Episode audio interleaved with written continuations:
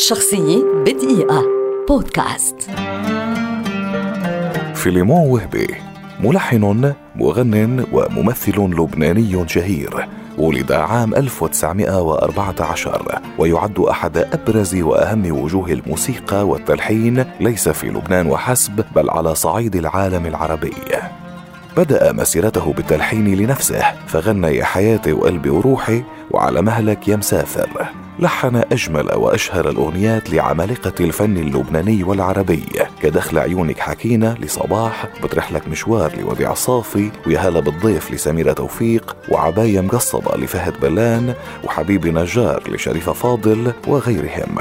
إلا أنه قدم العدد الأكبر من نتاج إبداعه منقطع النظير للسيدة فيروز فلحن لها روائع غنائية مثل ورق الأصفر لمع الباب من عز النوم طلع للبكي سوارة العروس بليل وشتي جايب لي سلام أسامينا وغيرها الكثير. غنى فيليمون بنفسه بعض الأغنيات التي تميزت بحس فكاهي وروح خفيفة مرحة لا تشبه إلا فيليمون نفسه. من هذه الأغنيات نذكر سنفرلو اللي بتحبه لطيفي وتيري ليلاي أو الطير الأزرق.